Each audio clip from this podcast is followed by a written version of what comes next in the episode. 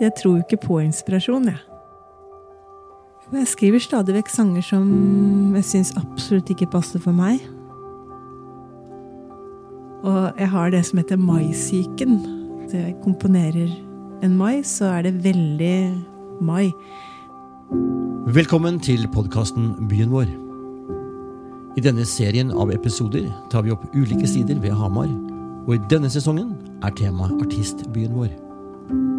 Mitt navn er Lagetun Myrberget, og jeg har invitert noen av Hamars største artister til samtale. Alle disse podkastepisodene er knyttet opp til pop-opp-utstillingen Artistbyen vår.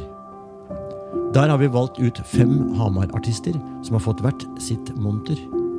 Der presenterer vi deres livsreise fra oppveksten i Hamar, starten på karrieren og hvordan de i dag jobber som kreative og utøvende artister, både nasjonalt og internasjonalt. I denne episoden er min gjest Silje Nergård. For når vi snakker om jazz fra Norge, så er det umulig å ikke nevne Hamar-jenta Silje Nergård. Født i Steinkjer i 1966 ankom Silje Hamar som fireåring, og har senere i livet etablert seg som en av landets fremste jazzvokalister med en internasjonal karriere som strekker seg over flere tiår. Med sine fengende melodier, særegne stemme og evne til å blande tradisjonell jazz med pop-elementer, har hun klart å nå ut til et bredt publikum både hjemme og i utlandet. Fra hennes tidlige pophits som Tell Me Where You're Going til hennes evige jazzperle Be Still My Heart viser Silje en forbløffende evne til å formidle historiene gjennom musikken sin. Hun har samarbeidet med noen av musikkbransjens største musikere og produsenter, og har i dag et tiårig statsstipend som komponist. Men eh, før vi starter Denne podkasten er produsert av Storyphone AS, og dersom du tenker at dette er bra for byen vår, og har lyst til å være samarbeidspartner eller sponsor, er det bare å ta kontakt med oss. Silje har nylig etablert seg i Oslo sentrum, og inviterte meg til en samtale ved kjøkkenbordet. Og her får du min samtale med Hamar-artisten Silje Nergård. Da er vi i gang med podkast. Det er tema artistbyen vår, og av alle verdens ting. Eh, vi sitter i Oslo, i gamlebyen, i Siljes nye leilighet. Hei, Silje Nergård. Hei, Lage. Velkommen. Takk skal du ha. Hva syns du om kaffen? Var det bra? Det var veldig bra. Sage, er det? Ja, det det er nesten så den kaffemaskinen heter Lage. Sage, vil jeg si. Ja, Sage. Sage står det på den. Nå må det være Sage Lage. Sage Lage. Veldig nydelig. Du, Takk for at vi, jeg kunne komme hit. Eh, dette er jo kjempestas. Eh, og for lytteren da, så må du få høre litt her. For at, eh, både Silje og jeg er selvfølgelig fra Hamar. Men way back in history så starta vi med å spille sammen. Mm. Vi møttes vel kanskje først og fremst ved å spille sammen i HamYam. Laget du var jo min aller første trommeslager. Er ikke det litt sweet? Ja, det er veldig sweet. Aller først. Og der jeg var så stolt. Tenk å få trommeslaget, liksom. Ja, ja, ja. Vi bandet ditt. Drømmen var jo å ha et band. Det var sammen med de Gjøvik-gutta, det. Jørn Fodnestøl og Nettopp. Kalle. Og uh, mm, Hedløv. Ja. Nei, Hedløv var ikke Jo. Var ikke Kalle med gitar? Spilte Jørn bass. Jørn spilte iallfall bass. Ja. Men jeg tror ikke Karl Erik var med. Var han det? Ja, jeg tror han var med i fall i starten. Og Det var et dødsbra band, da. Ja, så Stig på keyboard. Keyboard. Ja, nemlig. Fantastisk. Men var ikke han fra Hamar? Jeg lurer på Han gikk på lærerskolen, Også, ja. ja. Mm. Men hadde ikke du også en trio på den tida? En jask, akustisk sti, trio? Hadde også en trio med Johannes Eik og Bård Slagsvold. Og hvem Fra, er nå Bård? Bård er jo fra Tre små kinesere. De to møtte da- jeg på Toneheim. Og så var jeg på et kurs der. Og så et jazzkurs. Mitt første jazzkurs. Ja. Mitt eneste jazzkurs, faktisk. og da eh, Det resulterte i at jeg starta band med Johannes og Bård. Ja. Johannes er vel bror med Mathias Eik? Broren til Mathias, ja. Ja. Mm. Eh, Hvor er Johannes nå, eksempel? Johannes spiller mye med Helge Lien Ja, fra Moelven. nemlig. Og han øh, spiller bass igjen. Det er kjempeålreit. Ja. Han hadde en lang pause. Da tror jeg lytterne kommer til å merke at vi kommer til å fil det blir et nettverk av folk og navn Mm. som egentlig hører litt sammen. For når du sier Helge Lien fra Målven, i den sammenhengen, så er det også en pianist du har jobba mye med senere. Veldig mange år. Mm. Helt fantastisk pianist. Men, men Går det an å si sånn Cecilie, at du, du, begynte å jobbe mye med Tord først, som pianist? Sånn. Tord var eh, nok min første pianist altså da jeg flytta til Oslo og begynte å spille altså et, Ikke min første, men vi begynte å spille litt mer i jazzinspirert musikk. Så Ja. var det jo Tord som kom inn Mm. som pianisten. Tord Gustavsen, ja. Nesten hedmarkingen, det òg, på et vis. Det kan du si. Hula. Ja. Mm. Eh, nå merker jeg på lytteren sin del også, for det betyr at hvis du begynner med jazzperioden din, så har du hatt en annen periode før det igjen. Altså, jeg er ser jo tilbake på det og ser at det kan deles inn i litt sånn pop-jazz og det ene og det. Men jeg har jo aldri vært opptatt av det, vet du, laget. For jeg har aldri egentlig lært så mye om sjanger. Og jeg vokste opp i et hjem med både jazz og Grand Prix. Viser. Mamma og pappa spilte jo vinylplater, og um, vi hørte på radio, og pappa sang Cornelius Flesvig. Nå er vi på Hamar. Nå er vi på Hamar, og så hver dag fikk jeg inn alt dette her, og det var jo, for meg var det bare deilig, god musikk. Ja. Som eh, ingen snakket om hva het. Hvor på Hamar var det du vokste opp? Vokste opp på Nordkronen 13. Ja, Hamar vest, ja. Mm. Mm. Eller bodde på um, Staffsberg noen år først. Da jeg var enda mindre. ja. Mm. Betyr det at du gikk på barneskole på Storhamar? Gikk på barneskole på Hol skole, Ah, og så Storhamar. akkurat. Mm. Og så ble det Aier ungdomsskole. Aier ungdomsskole. For det var liksom bare delt i to. Det var de som var gode i språk, så var det de som var gode i matte. Da- Men når merka du at du hadde interesse for jeg vil si kunst? Der, da? Mm. Jo, fordi jeg satt jo alltid og gjorde noe med hendene, eller spilte piano.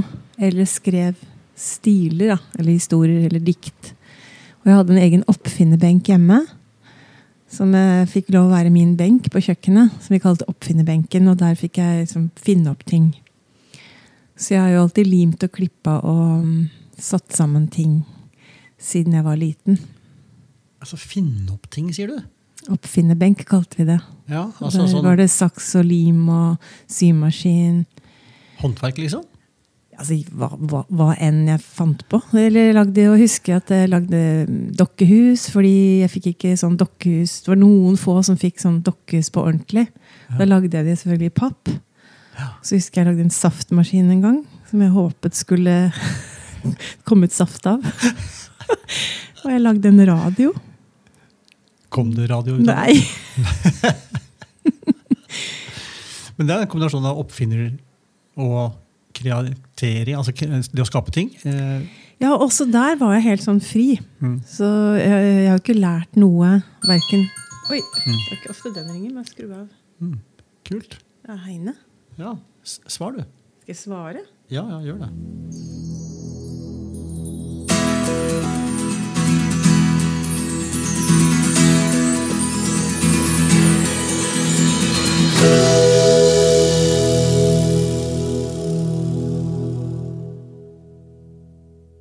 Da er vi tilbake etter eh, oppringning fra Heine. Fam familiær opprydding. ja, felles barn som har gått på en stolpe og fått seg en smell i, Ja. i går. Jeg er ikke så god på sånn sår og eventuelt hjernerystelser, men jeg må jo bare Da får jeg ringe til en annen. Altså, Heine er jo altså, Sånn gutter og sånn, de er så voldsomme. Er. Ser seg ikke for, vet du. Nei, det er det. Ja, jenter er forsiktige og går rundt og ser seg for. Ja, ja. Ja, vi har ikke tid til det. Nei, det har ikke tid til det. Nei, du, eh, Hamar.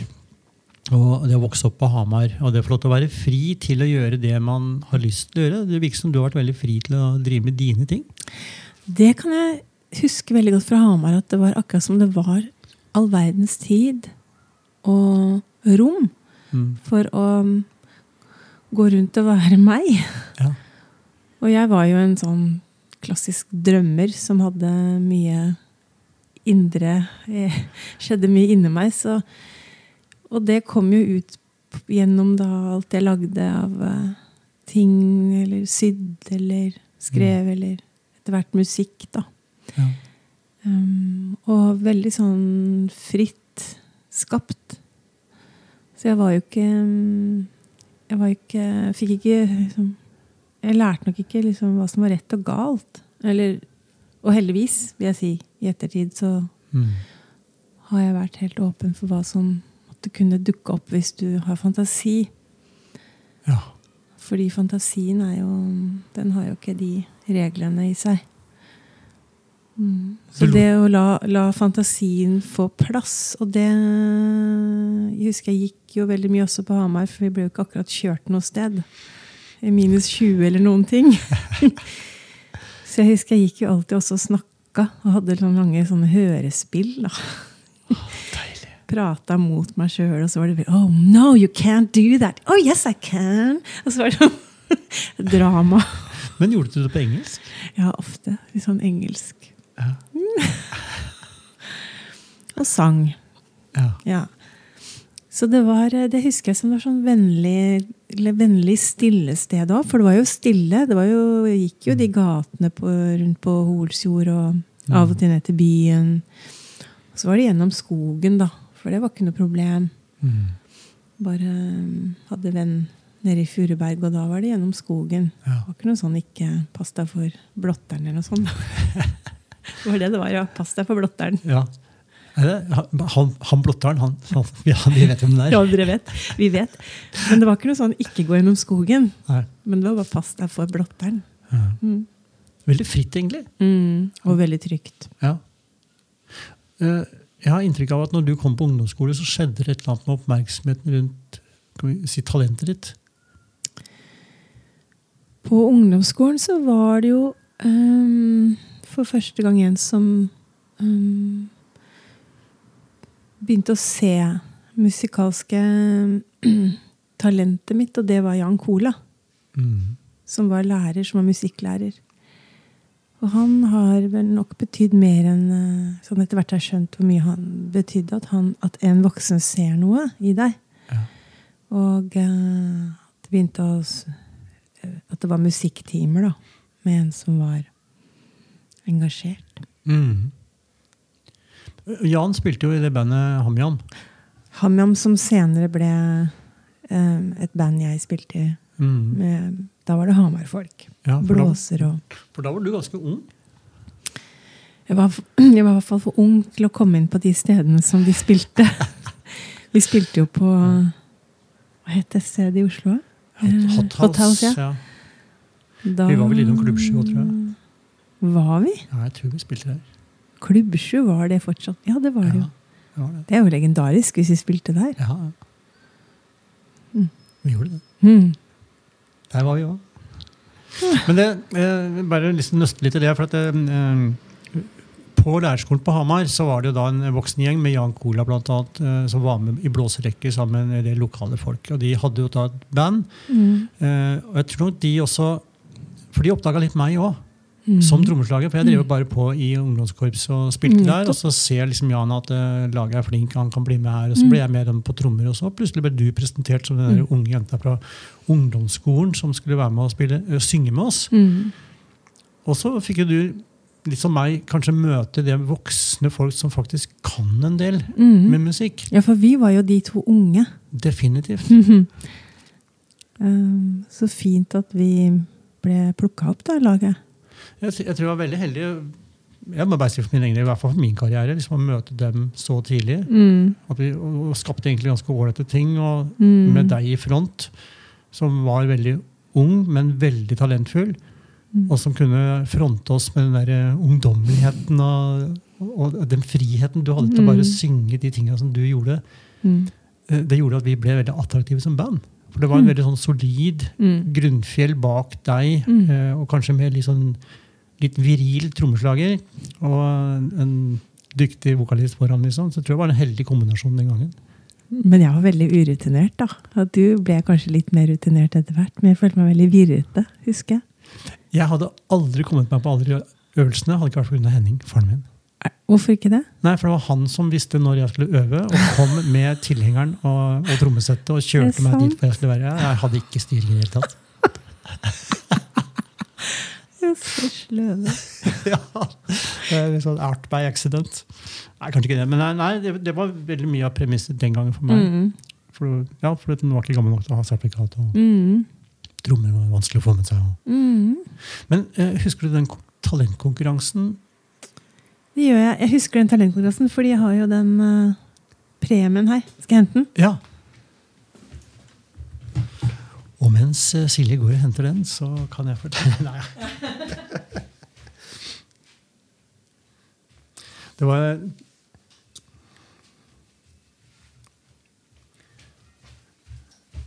Fy søren, der er det. Det er eksklusivt. Er ikke mange igjen av den, kanskje? Nei, den der. Dette er beviset på at du var med i den talentkonkurranse på Ja, Hamar. Vi jeg, kom på deg. jeg vant jo ehm, Jeg vant jo en talentkonkurranse. Mm.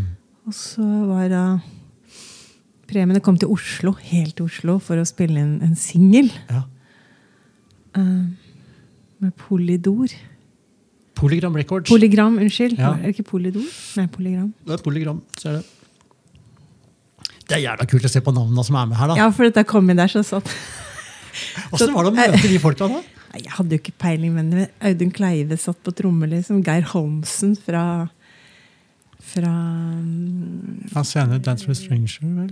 Jo, men da spilte han jo med Først og fremst med Jon Everson. Yes, han spilte Så han var jo bare superstjerne. Ja, Freddy Lindqvist på gitar, liksom. Det er, det er legendarisk.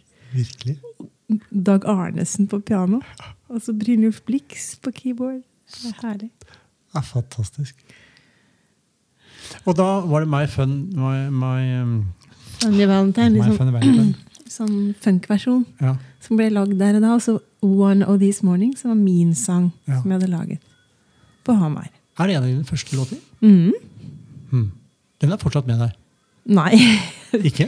jeg spiller den ikke, men mamma sier stadig vekk at jeg burde ta den inn, men Ja. den er litt gammel nå for meg, liksom. Den er litt søt, da. Ja. Hvor mye låter hadde du på den tida sjøl? Um, altså, jeg lagde sånne små låter som jeg skrev i en bok, som jeg husker Ja, jeg har liksom Jeg husker noen titler, og Selina Hun var en jeg husker jeg skrev om. Uh, jeg har forskjellige sånne historier som jeg skrev, da. Um, uh, som jeg lagde akkorder til. Så jeg har de i en sånn bok Mm. som jeg har tatt vare på. Jeg husker at du lagde tekst til James-låta. James med Pat Metheny, ja. Mhm. Det lagde jeg, og den ble spilt på Østlandsscenen Nei, på Ikke hva er det jeg sier for noe. Den ble spilt på radioen på Ja. Hamar. Mhm. Den lå jo inne en god stund. Eller ligger der ennå, faktisk. Ja. Mm. Men i de tidlige årene der skrev du mye tekst? Nei, jeg, jeg skrev ikke så mye tekst, men jeg begynte jo å skrive litt tekster, og så Mm. slutta jeg etter hvert. Ja. For nå Mm. samarbeider du mer med tekstforfattere. Ja, jeg gjør det. Det er kanskje Jeg har litt ærefrykt. Jeg liker at uh, ting er bra. Ja. Og så er det noe med hva, hva er det du brenner for, og hva er det du um, måtte vil bruke tid på å bli bedre på. Mm. Og um, jeg brenner nok først og fremst for å være komponist, men jeg er jo også en historieforteller. Um, så jeg kjenner jo veldig lett på kroppen hva, hvor, hvor jeg er. Jeg lager ofte det som kalles hookline, altså en, eller, Ja. eller en setning som setter en, en scene. Mm. Mm. Men uh, i og med at jeg jobber på engelsk og internasjonalt, så vil jeg jo si at jeg er nok en av de som har veldig bra kvalitet på tekstene mine fordi jeg jobber med en som er native engelsk. Ja, nemlig. Og det har nok hatt mye å si for at jeg har hatt en karriere i, i internasjonalt også. Ja. Hva heter han for det? Han heter Mike McGurk. Ja, nemlig. Bømlo, var det ikke det? Ja, Ja. han er, han er på Bømlo, men han er jo skotsk. Mm. Han har akkurat gitt ut en, en eh, diktbok på et engelsk publishingselskap. Som Ja. er veldig respektabelt publishingselskap for poesi. Ja, akkurat. Men hvordan er det du Hva er din tilnærming på samarbeid med han om tekster? Altså, vi er jo som et gammelt ektepar. Så det er ikke noe eh, som kommer av seg sjøl her. Vi er stae som F, begge to. Og jeg, jeg vet at Å nei, nå har jeg laget en ny sang. Ny kamp. Ny, ny reise. Så det, og det blir ikke lettere med årene. Men for ingen av oss måtte vi bare Vi er veldig på plass i det vi gjør, begge to. Ja. Mm. Men hva er det det går på da, liksom? Eh, når dere må kjempe for hverandres ideer? Mm. Det går jo på at han eh, har full oversikt over eh, tekst, og jeg har kanskje en annen type oversikt da, over på melodihelhet. Hva som er lett å få å synge når det skal være gjentagelse. mm, Hvor mye informasjon du kan gi. For det er jo ikke det samme som et dikt, ikke sant? Um, så um, Og det med um, at det er melodiøst, og det syns jeg han virkelig er god på. Å få det melodiøst. Det, det er ikke det er søren meg ikke lett. Heller å komme inn og skrive noe meningsfullt på noe så detaljert som jeg har komponert. Har du veldig eierskap til de melodiene du i utgangspunktet da har? Ja, det blir jo på en måte som en del av kroppen min, da. Så blir teksten hans som en del av kroppen hans, og så til slutt så bare må vi le. Ja ja, men Silje, det er jo bare en sang. Ja, Mark, det er jo bare en sang. men det er vel kanskje derfor Ja. det blir bra, da. Skriver du melodier før han lager tekster? Ja, nesten, nesten hver, alltid skriver jeg melodien først. Ja, nemlig. Med et par unntak. Og de, den aller første sangen vi skrev, var et unntak, og det var 'Be Still My Heart'. Akkurat. Hva skjedde da? Da skjedde, da, det som skjedde, var at Heine, um, uh, som bodde, er fra Bømlo, han fortalte om Mike, og så fortalte du burde prøve ut Mike. Mm. Og så tenkte jeg ja, da får jeg bare sjekke ut om han, hvordan han skriver. Så jeg sendte han en kassett med en sang jeg hadde laget. Men så hadde jeg sendt jeg feil kassett. Så det jeg egentlig sendte, var en sang jeg hadde allerede hatt tekst på som het Move, Al- Move Along Ruby. Oi. eh, Fra første plata mi. Men han var så høflig at han, han trodde bare jeg trengte ny tekst på den. Den hadde jeg lagd sjøl, da. Så han syntes sikkert at jeg trengte ny. jeg trenger alle de tekster, ja. Ja. Så han lagde ny tekst, og så kom tilbake en tekst. Så tenkte jeg, men den passer jo absolutt ikke, så han kan i hvert fall ikke være musikalsk. men så fikk jeg oppklart det her, da. ja. Så move along, Ruby, be still my heart. Jeg vet ikke helt hvordan han tenkte, men iallfall var det iallfall. Og så så jeg da at oi, ok, jeg har en tekst, men den passer ikke. Men det er jo ikke hans skyld. Men den var jo så vakker. Be still my heart. Ja.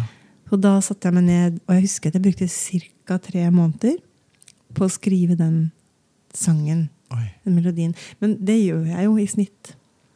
Jeg bruker flere måneder på sangene mine. Men jeg husker jeg satt på, på pianoet mitt, som litt ustemt piano, på Ja. Frogner, hvor jeg bodde da, i Oslo. Og så lagde jeg 'Be still my heart', og så, sånn begynte vårt samarbeid.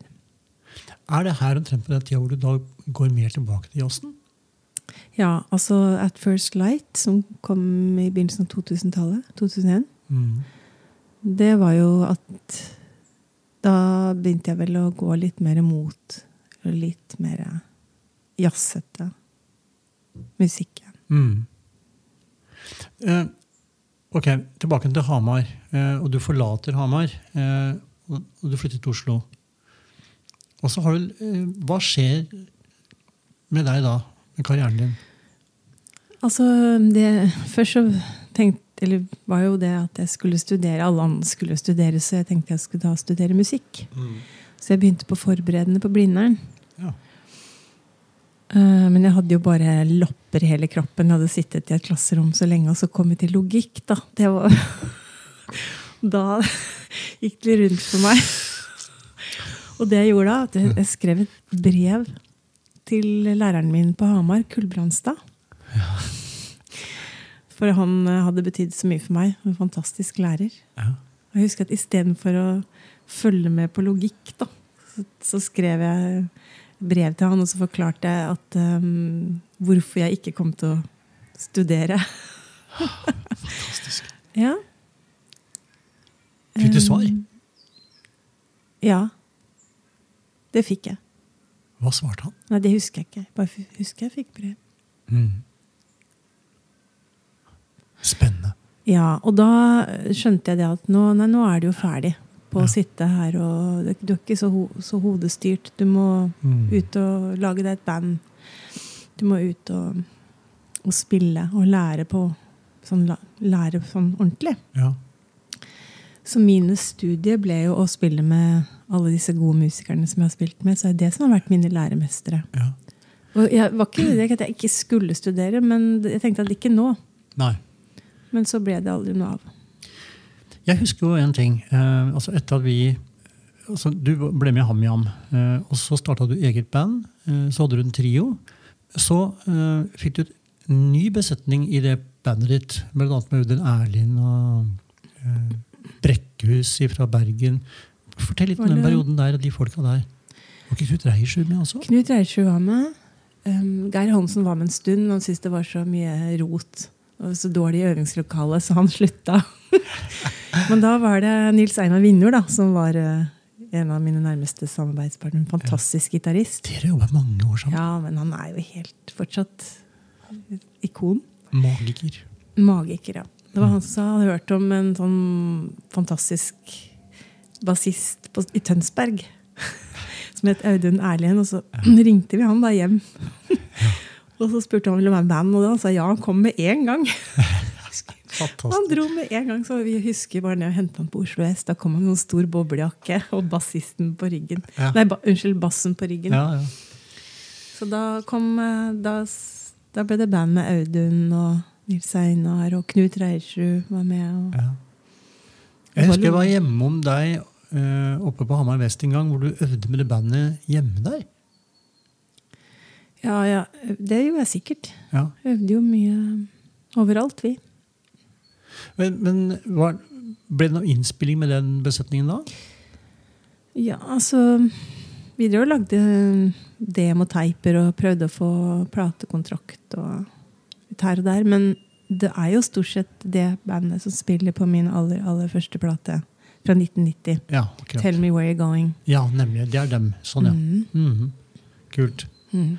Eh, Hvor mange plater ble det i Norge da før du reiste til England? Ja, den plata kom jo ut først og fremst i England, for jeg fikk jo ikke Det var Ah. den jeg prøvde å få prøvde jo å få kontrakt her i Norge Mm. før jeg Så jeg sendte rundt kassetter med opptak som sangene mine med det bandet her Ja. til plateselskap i, i Norge. Og så var det ingen som svarte. Men det var én som ringte. Det var Terje Engen fra Sonett. Mm. Han ringte meg, og han sa nei. Og så forklarte han hvorfor. Han sa at eh, men det her greier ikke jeg også.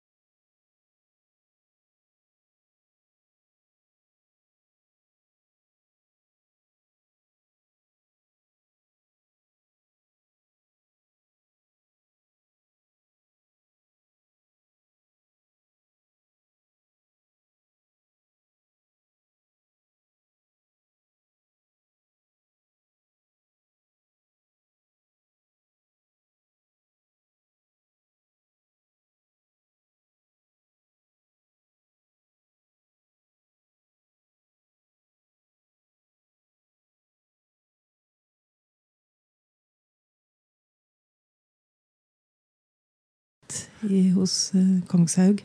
Ja. Magisk. Mye å takke han for. Ja, du verden. Mhm. Nå er han borte. Mm. Jeg husker Første gang jeg var i studio hos Jan Erik og spilte, eh, det som var så forunderlig, var at det, ble på en måte ikke noe soundcheck. Nei, fordi jeg tror nesten han ofte tar opp mens du har soundcheck. Ja. Det er Han mange som har gjort takesene sine. Ja. Jeg hvis bare, kom der, Du rigger opp instrumentene dine og, Mm. og tester litt og stemmer litt på trommene og justerer litt. Og så spør du skal vi liksom ta soundcheck. Nei, du kan komme her og høre. Ja, Ja. Og så hadde han den egenskapen at han gikk inn i rommet og lytta på instrumentet. og I hvert fall for Mm. meg som trommeslager. Og så høre på hvordan trommene låter. Og så Ja. ut fra det så velger han den mikrofonen som skal høre på Ja. denne lyden. Mm. Så mikrofonvalget Mm. er egentlig mye av equalizinga. Mm. Som gjør at det bare henger sammen. Så det er mer sånn type bare sette opp en balanse. Mm. Inntrykk av at det var mye det Jan Erik eh, gjorde med magien hans. Mm. Utrolig type. Altså. Ja, helt fantastisk. Og da kom jo veldig mange av de store amerikanske og internasjonale Mm. artistene til Oslo for å Ja. gjøre opptak med han. Og så var det såpass dyrt å være der at alle som kom, hadde ofte spilt et år med repertoaret sitt på, på live. Sånn at du bare kunne slenge en plate på to dager. Og ble miksa samtidig. Ja. Men du, tenker du litt på den der friheten din til å ta kontakt med folk ut fra din visjon? Det ligner litt på hvordan du beskriver det å vokse opp på Hamar. Mm. Så jeg må jo ha hatt en grunnleggende følelse av at um, det, ikke, det går meg ikke så veldig galt om den personen sier nei. Mm. Sånn at jeg, jeg greide å skille mellom meg og oppdraget mitt. Sånn at det var ikke sånn at jeg mistet mitt selvverd hvis, hvis jeg ikke fikk det til. Nei. Eller at noen av, avslo meg, da. Og det, mm, den har jeg nok sikkert fått eh, både hjemmefra og, og det å være et, et trygt miljø og Ja. kjenne at, kjente at jeg var velkommen som meg. Mm. Og så at det, ideene mine var ideene mine. Mm. Og det tenker jeg fortsatt at det er ikke alt som går i oppfyllelse, eller som ordner seg. Men um, jeg hadde også en følelse av at eh, alltid en sånn forståelse at hvis jeg ikke prøvde, da, hadde, da, da hadde jeg feila, liksom. Det, var- og det har jeg alltid hatt med meg, at du må alltid spørre, i hvert fall. Du må prøve for å få svar på hvordan, det går. Ja, men det å ikke spørre, det plagde meg. Hvis jeg hadde en visjon eller en idé. Ja. Så var det litt sånn, Du må heller stange hodet litt inn i veggen, og så bli litt svimmel, også, men sånn som sønnen din. som sønnen min. I akkurat i dag. Du Silje, jeg tenker på eh, Hvor er det familien din kommer fra i utgangspunktet? Pappa og mamma er jo nordlendinger. Ja. De var innflyttere fra, fra altså Pappa og mamma er lærere, så de, de kalte seg selv da Da var det veldig morsomt at de kalte seg klimaflyktninger. På den tiden var det morsomt. Um, fordi de syntes det var for mørkt og for kaldt Ja. oppe i nord. Så de um, kom til Furnes ungdomsskole, og begge jobbet jo der. Mm. Um, ja, hvor mange år var det? Hvor mange år. Er du da født på Hamar? Jeg er født i Steinkjer i Ja. Trondheim. Ja. Så um, Og når, hvor gammel var du når du kom til Hamar? da? ca. fire. Ja. Tre-fire. Så du har vokst opp på Hamar? Ja. Dæven, spennende, altså. Ok, så går du gjennom en lang karriere. Gitt ut masse album, du gifta deg, nå sitter du i, ha, i Oslo.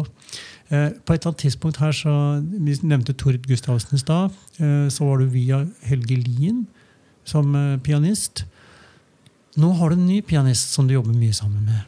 Fra Hamar, født og oppvokst, Espen Berg. Helt fantastisk. Fortell litt om hvordan du møtte han. Altså, det rare er at Espen bodde nede i Furbergveien, og jeg bodde oppe i Nordkronen. Det er ikke så mange gater lenger opp. Nei. Men vi eh, dumpa aldri borti hverandre. Og jeg visste ikke om han, egentlig. Men Du kjente faren hans?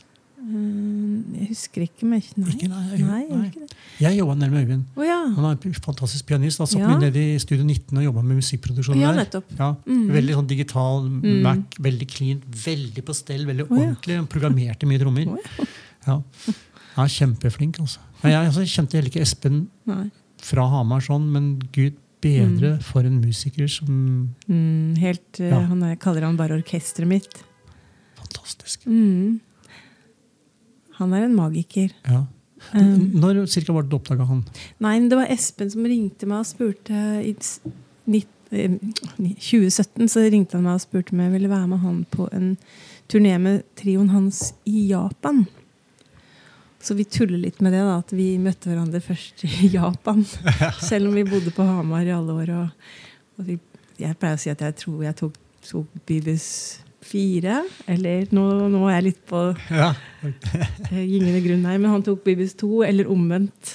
Alle fall så kjørte jeg Jeg, gikk, dro litt lenger opp, da. ja, kult. Mm. Han studerer på i Trondheim. Espen har studert i Trondheim ja, og bor i Trondheim. Har Mm. familie der. Men fortsatt uh, moren og faren sin på Hamar i Mm. Furbeveien. Så han er en del på Hamar. Ja, Mm. Så vi har reist uh, sammen de siste årene. Vi lagde da duo etter det prosjektet der. Mm. Og har reist rundt både i Norge og utlandet. Og jeg syns det er et veldig, veldig spennende mm, landskap å være i med han. Hva er det han gjør med låtene dine som uh, inspirerer deg? Altså Han, altså, han, er, han greier å, å gå inn til kjernen og, og finslipe det og gjøre det veldig tydelig. Og samtidig så greier han å øh, gå helt ut på kanten også. Eh, for han er så grenses, grenseløs. Han er så mm, Hva skal jeg si Han har, uh, han har egentlig ingen grenser. Sånn at um, det det jeg egentlig alltid har gjort med de jeg har spilt med, er å ha sagt 'spill mindre'. For da blir det mye bedre. Og når du da skal spille mye, så har du valgt det. Mm. Så den øh, føler at den, øh, den skolen har jeg i hvert fall øh, vært bestyrer av, bestyrer av i mi- mi- miljøet. Um, og, Den er vakker. Mm, og jeg mener det fortsatt, at skal det virke, så må du velge når du skal gjøre ting. Wow. Og i min verden og i min musikk så blir jo jeg skinner jo og får et mye sterkere uttrykk hvis det er luft og rom rundt meg. Samtidig så tror jeg også at det gir en helt annen opplevelse for lytteren.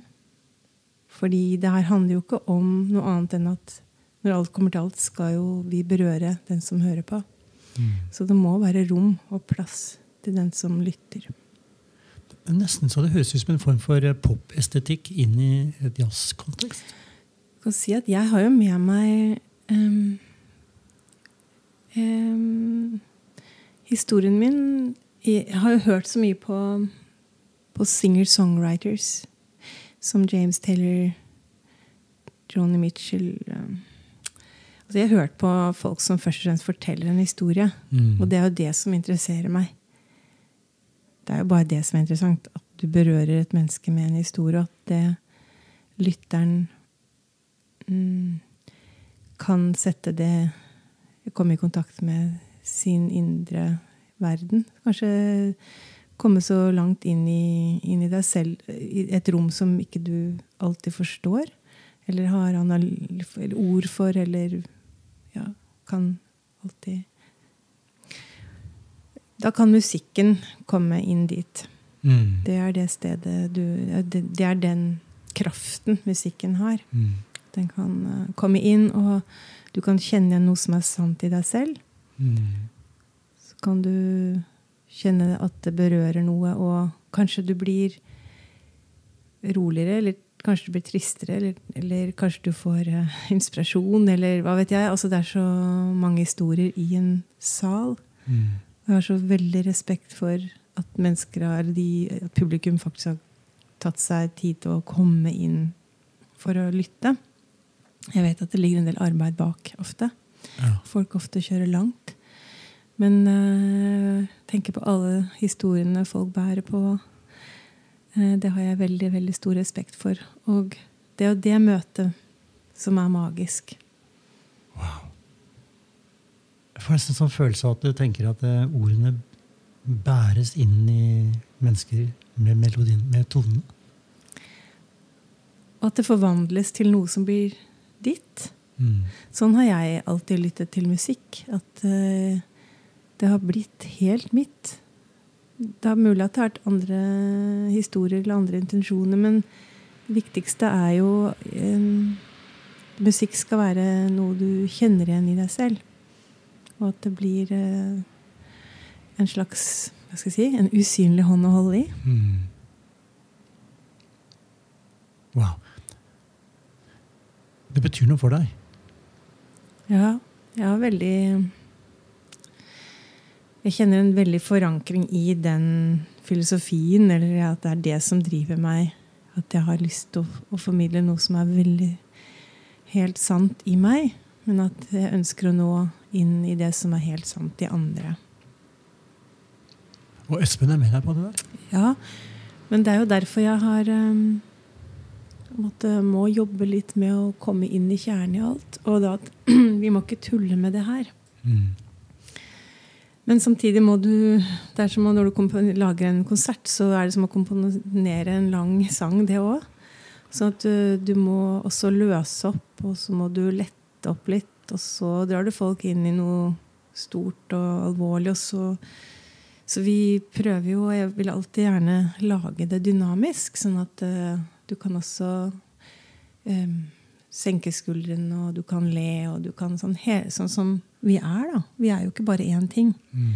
Vi er ikke bare alvorlige, vi er ikke bare glad. Vi er liksom alt. Og det tenker jeg at det er en konsert også. En god konsert, da. Mm. Så da må musikerne være med på den reisen.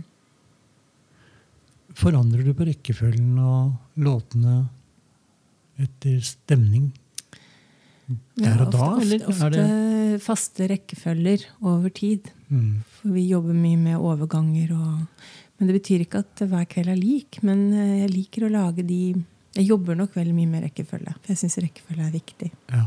Alltid. Det blir en større historiefortelling. Det blir en gjennom, mer gjennomtenkt hvis du tenker den som en lang reise. Mm. Mm. De gangene jeg har hørt deg på Hamar de senere åra, så har det gjerne vært i forbindelse med Anjas. Anjas har vært uh, veldig sjenerøse med invitasjonene, og det syns jeg har vært så koselig. Å komme til Anjas. Og det er jo ekstra hyggelig å møte folk som har ha- Om du har en historie med fra før, og komme og prate med folk etterpå. Mm. Jeg elsker det. Jeg, jeg syns det var magisk å se deg og Espen på scenen sammen på Hamar og Mm. spille. Takk. Ja. Espen er jo Nesten to Hamarsinger Ja. tilbake igjen. ja, men, altså Hamar og, og rundt der altså Alle de pianistene jeg spiller med, det er jo som heter Andreas uh, Ulvo også. Som kommer fra Ottestad.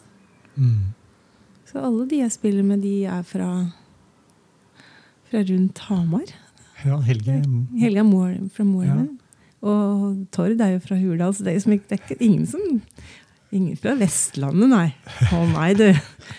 Vi må holde oss i rett del av eh, landet. Pianistene kommer fra Vestlandet, Østlandet. hva, er det med, hva er det med den delen av landet som gjør at du blir så bra? ja, det kan jeg vel lure på. Kobler man seg på noe felles, kanskje? Mm.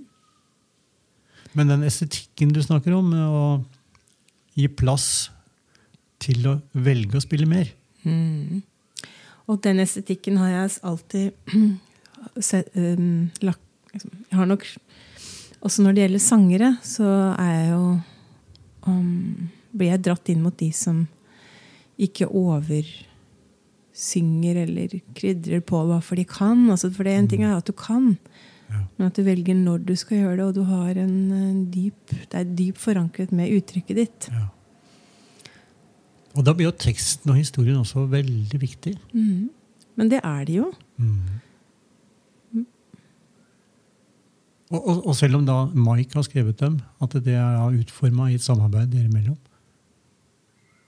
Det er det, men, men det er vår historie, det er vår eh, sang. Og samtidig så tenker jeg også at når sangen den blir liksom til en fugl, da. tenker jeg, altså Disse sangene de bare flyr ut som fugler. Og eh, kommer inn i andre folks liv og, og, og, og får en annen mening. En mening som blir tolket annerledes, kanskje. Mm. Og det, det er bra, fordi sånn har jeg lyttet til musikk. En veldig søt historie fra I begynnelsen så kan man jo ikke engelsk. Jeg, altså jeg hørte på, på engelsk musikk. Jeg en sånn Bring back, bring back, bring back my Bonnie to me. Men ja, for meg var det bringebær, bringebær. Så jeg hadde min fulle rett til å tro at det handlet om bringebær. Så herlig, altså. Ja, det er herlig.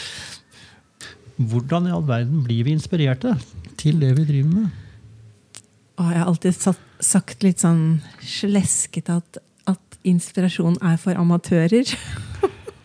det er litt frekt ut å si, men uh, det er litt sant, altså. Mm. Jeg tror jo ikke på inspirasjon, jeg. Nei. Du pusher det? Jeg tror du må bestemme deg og lage en øh, Du må lage en ramme for hvordan du jobber. Mm. Og det er jo veldig forskjellig fra kunstner til kunstner. Eller du kan bare høre på sånn podcaster om forfattere, og noen begynner klokka ni, og så skriver de kanskje tre ord, men de sitter der. Og sånn kjennes det litt som komponist òg, at øh, jeg kjenner at jeg er inni det eller ikke inni det. Men jeg kan ikke sitte her, og pianoet mitt er i et annet rom, og tenke å, jeg venter på inspirasjon. Mm. Det, for meg funker ikke det.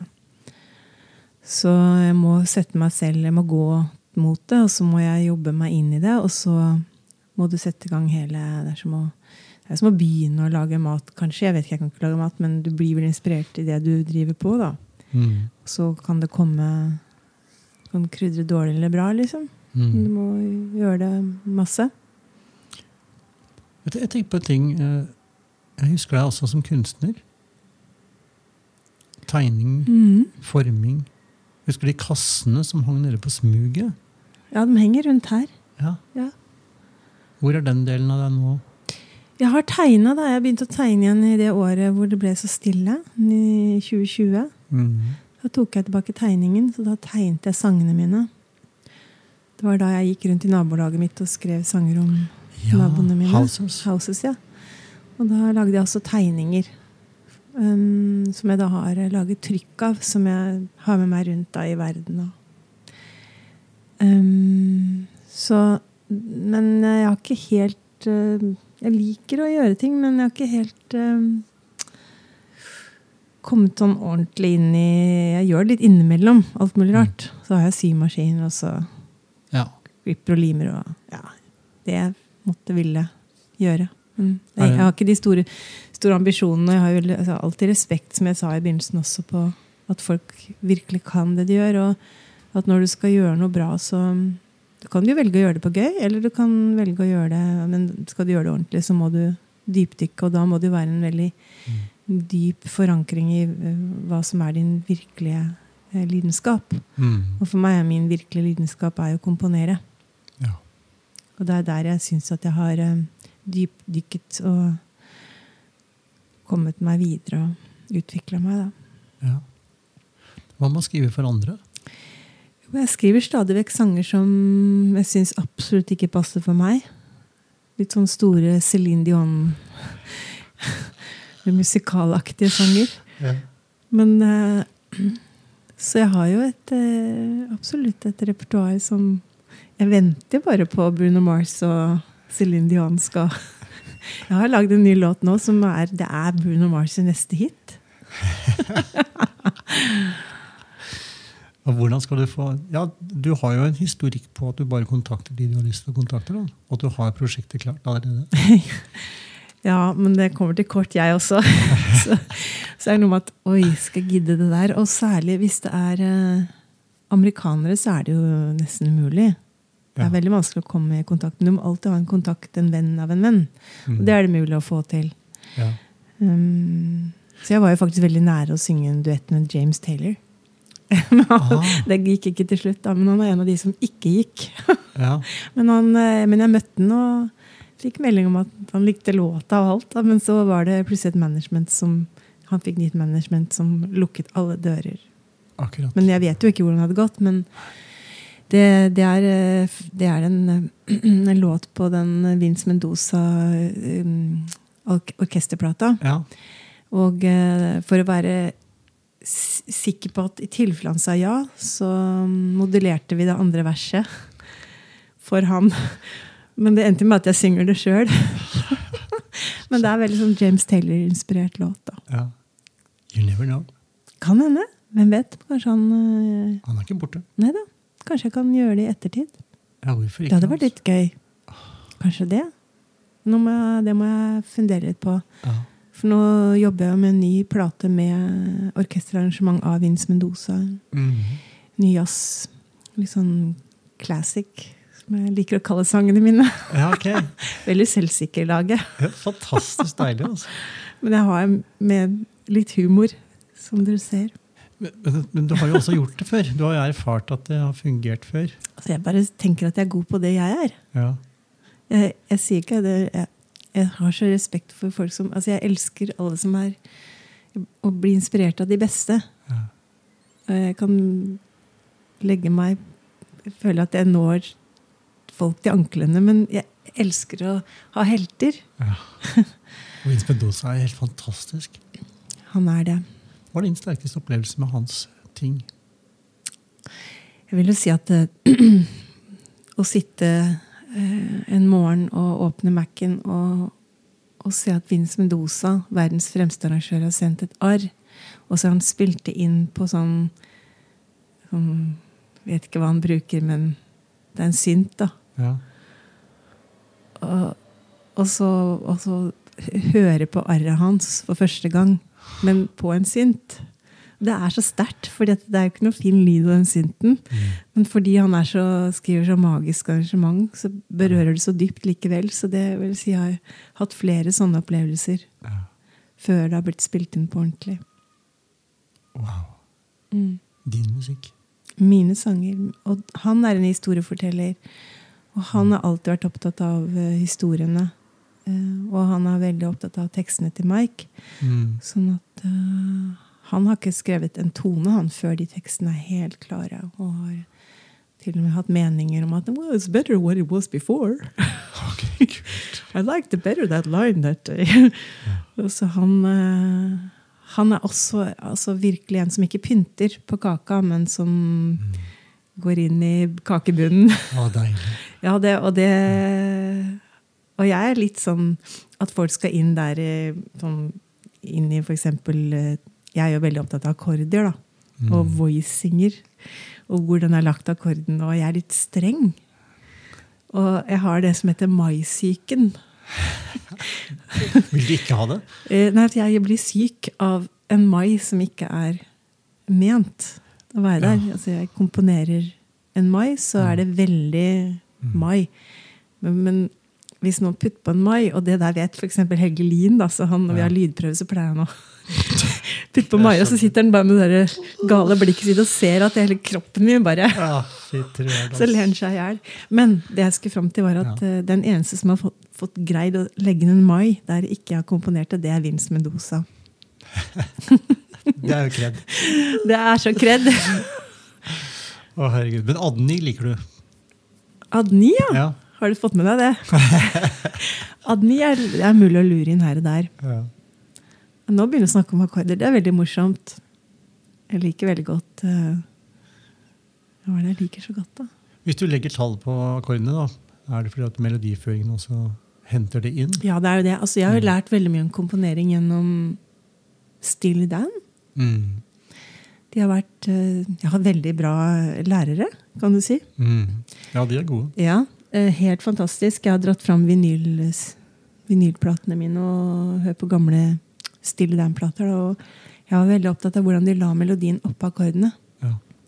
Og jeg har ikke veldig analysert veldig mye i mitt liv, men jeg fant ut at de ofte landa på en eh, Når det var en moll, så sang han på en nier. Ja. Det var veldig hipt at jeg forsto. det nærmeste har kommet eh, analyse på komponering. Ja. Vi snakka litt tidligere om Jacob Collier, mm.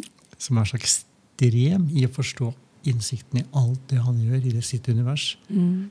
Har, har du sjekka ut noen filmer hvor han forklarer det med harmonier? Nei, det må jeg gjøre. ja, det er vakkert. Å, det han beskriver gjøre. det som farger og stemninger. Å, det må jeg gjøre. Så dur og moll er ikke blid og trist. Nei. Han bare forklarer hvordan melodien påvirker en moll til å bli glad. Oi, interessant. Fordi det, det var um, Det er morsomt fordi Heine mm, han, eh, han kan mye mer om Så han har også sagt Oi, her går du jo til en moll og til dur og alt det der. Men han har sagt at du er en av de som faktisk kan lage triste sanger i dur. Ja. Og det tenkte jeg wow, så interessant. Ja. Ja, For at jeg går ikke nødvendigvis til moll selv om jeg lager en trist sang. Nei. Jeg husker jeg traff Peter Erskine i Los Angeles. Vi satt og snakka om låter hjemme hos han. Mm. Eh, og så, Da var han også inne på det at han var opptatt av å velge seg litt andre tonearter. Sånn at ikke fingrene komponerte, men eh, hjertet. Mm. Sånn at ikke Det er sant. Det, det, er, det er veldig bra du sa, for det er veldig Det har du rett i. Og det gjør jeg. Jeg går litt i fingergjentagelse. Mm. Jeg vet hvor jeg kan legge en akkord og få, få noe fint. da. Mm. Mm. Men da kan du transpose Det slipper Ja, du jeg har flyglet et Ja. Mm. Ja, Men jeg burde ha bare spilt litt gitar. Ja. Collier også snakker om det med at toneartene har også sin karakter og Mm. sin stemning i seg Du, det selv. der må jeg høre på. Ja. Jeg trenger å bli litt inspirert også. Ja. Lar du deg inspirere av visuell kunst? Jeg er veldig opptatt av det visuelle. Det kan du sikkert se. Altså, jeg Mm. går veldig mye og er i visuelle eh, rom. Men mer i sånn hverdagsrom. Ja. Jeg lever veldig visuelt, da. Ja. Um, jeg setter veldig pris på å være At jeg går i gater, eller uh, komme inn i bakgården her, eller se tre, eller Så jeg tar veldig mye inn. Ja. Og set, blir nok veldig fylt av det. Mm. Men du er ikke sånn til å oppsøke gallerier for å se ting? Oppe? Jo, nei, eh, mindre enn jeg vil. Men eh, nå, nå har jeg flytta ned til byen, så da skal det være lettere for meg å Nå har det gangavstand. Du er bare noen hundre meter til eh, Munch-museet. Jeg vet det. Så nå når jeg bare får eh, Det har bare vært så mye å ja, pusse opp, vet du. Ja. Det har ikke vært så mye rom for gallerier heller. Men jeg har fått stemt piano, i hvert fall. Ja. Så nå har jeg begynt å spille litt på det. Det er en ganske ny epoke i livet ditt nå. Mm. Jeg synes, uh, Det er en stund siden du og Heine har skilt i lag sånn. Ja, vi, konkret, men- vi, ja, vi har jo, det har gått sakte, og det har gått veldig fint. Og han er en god venn. Jeg ringer han jo ofte òg. Ja, ja. Dere har jo stadig vekk kontakt med kaffemaskina som må repareres. Ja, ja, da er jo, det er jo ja, litt praktisk, da. Men, eh, men vi vil hverandre vel, og det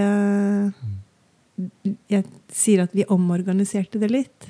Ja. Og vi har jo barna våre rundt omkring i Oslo, og vi liker å være sammen og henge og spise og ja, Så det mm, så Jeg syns at det Selv om det har sin kost Det koster jo også å bryte opp, Mm. men eh, det kan gjøres på mange måter, har jeg da skjønt, i og med at vi gjorde det på en veldig ok måte og har omorganisert oss og har det mye bedre. Ja. For her sitter du altså da i egen leilighet i Oslo sentrum, i gamlebyen. ja. Bodde her siden juli, var det det? Ja. Ja. Jeg kjøpte det i, i vinter, da. Mm. Men eh, jeg har alltid hatt sans for gamlebyen. Ja. Alltid likt det. Og så er jeg jo veldig opptatt av Altså, jeg, jeg liker å være i skogen. Ja. Og jeg bodde jo på Ekeberg, og da Mm. jeg bare flytta meg på nedsiden av skogen istedenfor på oversiden. Men det er ikke lange veien herfra opp dit. Nei, nei, jeg går dit hele tida. Så jeg tenkte å gå en tur etterpå. Ja. Så jeg bruker skogen, så jeg kunne ikke ha bodd midt i byen uten noe skog eller noe vann. Og her er det både skog og vann. Ja. Jeg skjønner ikke hvordan ikke folk oppdager det. det her er jo bare kuleste delen. Ja, altså historisk grunn nå. Virkelig historisk grunn. Ja, Med gamlebyen Ja. og munkerkloster og Ja. gamle katedralen. Og, veldig. Og, og, og så har det ikke blitt noe Jeg har liksom ikke fått en eh, Hva skal jeg si Det er en åpen stemning her. ja. Eh, Det er ikke, en, er det ikke type den type mennesker, den type. Det er som alle typer mennesker. Det syns jeg er så deilig. ja Sveigårds gate er en sånn miks. Mm, veldig. Og så har jeg veldig sans for eh, den der kontinuerlige lyden av urbanitet. Med Mm. trikken som passerer på utsida, som du liksom hører at det er Jeg liv der ute. jeg liker lyder, jeg. Jeg liker å jeg Bare vente på at det skal være litt mer krangling og litt mer gråting og litt mer drama. Så sitter jeg med pianoet mitt. Ja, ja, Bli inspirert. Ja. Finne linjene og melodien og Mm. de rette akkordene. Mm. Søke opp. Men Silje, eh, utrolig hyggelig å prate med deg. Høre litt om hvordan det kunstneriske hjertet ditt uh, har et lite snev av Hamar med seg hele veien. Jeg jeg har så mye å takke Hamar for. Jeg, jeg tenker at jeg hadde så mye Så jeg hadde jo et, mamma og pappa da, som sang og spilte og virkelig mm, ga meg en skole i god musikk. Alt fra visesang til um, jazzmusikk. Som det bare kunne boltre meg i det. Mm. Eh, Enten pappa sang eller vi spilte vinyl eller ja. Så det var var sånn uendelig inntrykk av musikk Mm. fra de. Og så var det så mye rom og tid og space liksom, til å gå rundt og ha masse inni seg. Mm. Og, og få lov å, å være skapende. Og det, det brenner hjertet mitt for å um, um, ja, Det er jo litt hjertesukk, det, da. At um, Jeg husker jo at jeg hadde mye tid til å gå inn i å liksom være i fantasien min. Um, og, og det å være kreativ og finne på noe bra, det, det betyr jo at du må bruke litt tid. Og det er ganske kjedelig også iblant. Så det er jeg litt sånn bekymret for at eh, barn i dag ikke får tid til å være i. Fordi det letteste du kan gjøre nå, er jo å se på en skjerm eller trykke på en knapp hvis du kjeder deg. Og det som går tapt da, er jo den, eh, den sakte tiden hvor det kreative kan vokse fram. Så jeg, jeg brenner litt for det. Og, um, og er, ser veldig klart at den tiden fikk jeg. Jeg ble ikke forstyrret av eh, skjermer og Det var liksom barne-TV klokka seks til sju, liksom. Var vi heldige. Så det var inn og skrive historier, og det var, det var ikke så mange forstyrrelser. Det er klart at det, det gir en helt annen ro i systemet ditt, i kroppen din, og til å skape og videreutvikle noe. En, et frø får lov å bli noe. Det blir ikke, blir ikke så avbrutt, det blir ikke så fragmentert. Det blir lengre linjer. Og jeg unner andre å være i en sånn verden også. Så alle burde få lov å ha et snev av Hamar Det er seg. vakkert. Det skal jeg ta med meg, og det er jeg sikker på at lytteren også gjør. La den sakte tiden komme. Mm, den sakte tiden, den er magisk. Takk for praten, Silje. Veldig koselig å prate med deg, Lage. Mitt navn er Lage Tune Myrberget, og takk for at du har hørt denne episoden av Byen vår. En spesiell takk til Silje Niergård for å bidra med sin historie. Episoden er produsert av Storyphone, og du kan høre flere episoder der du lytter på podkaster. Dersom du tenker at dette er et spennende tilbud for byen vår, så kan du ta kontakt og bli med som samarbeidspartner og sponsor. Vi høres i neste episode.